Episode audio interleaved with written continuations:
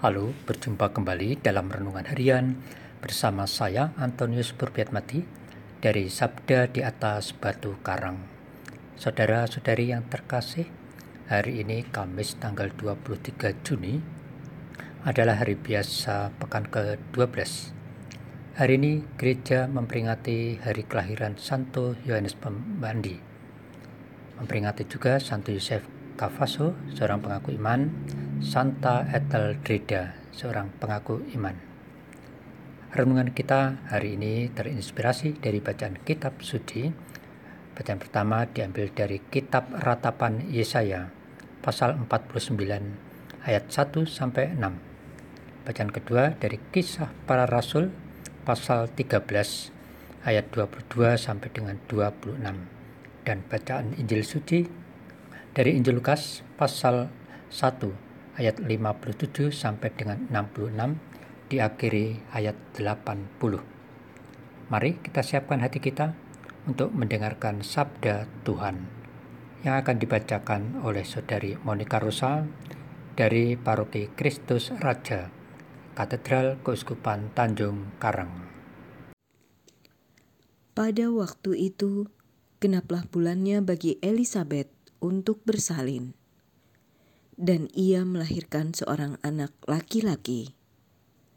Ketika para tetangga serta sanak saudaranya mendengar bahwa Tuhan telah menunjukkan rahmatnya yang begitu besar kepada Elizabeth, bersukacitalah mereka bersama-sama dengan dia.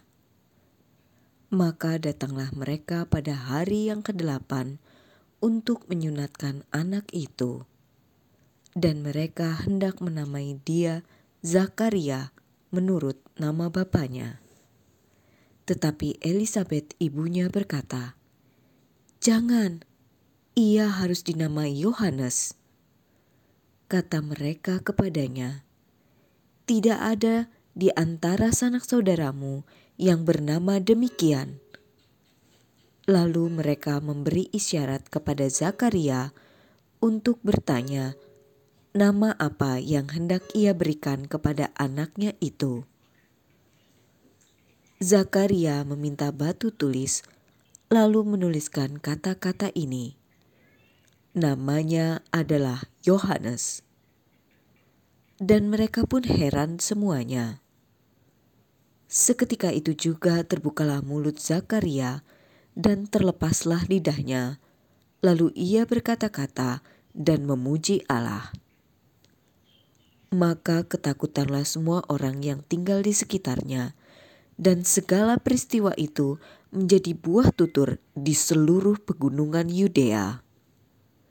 Semua yang mendengarnya merenungkannya dan berkata, "Menjadi apakah anak ini nanti?" Sebab tangan Tuhan menyertai dia. Anak itu bertambah besar dan makin kuat rohnya ia kemudian tinggal di padang gurun sampai tiba harinya ia harus menampakkan diri kepada Israel. Demikianlah sabda Tuhan.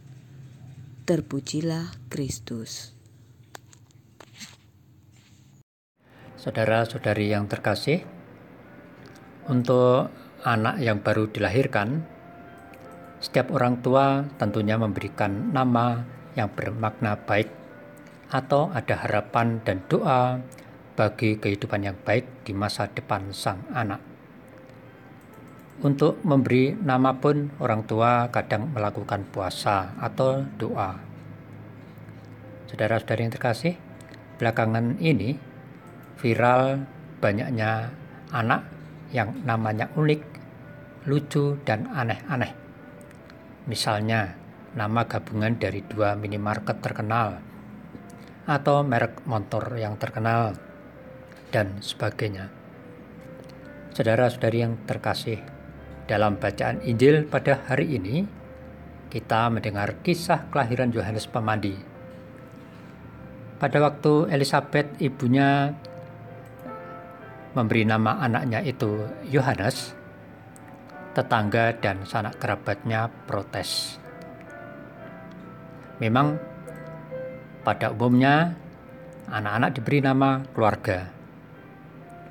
Dalam pemberian nama untuk Yohanes ini, Elizabeth melakukan apa yang pernah diperintahkan Allah melalui malaikatnya.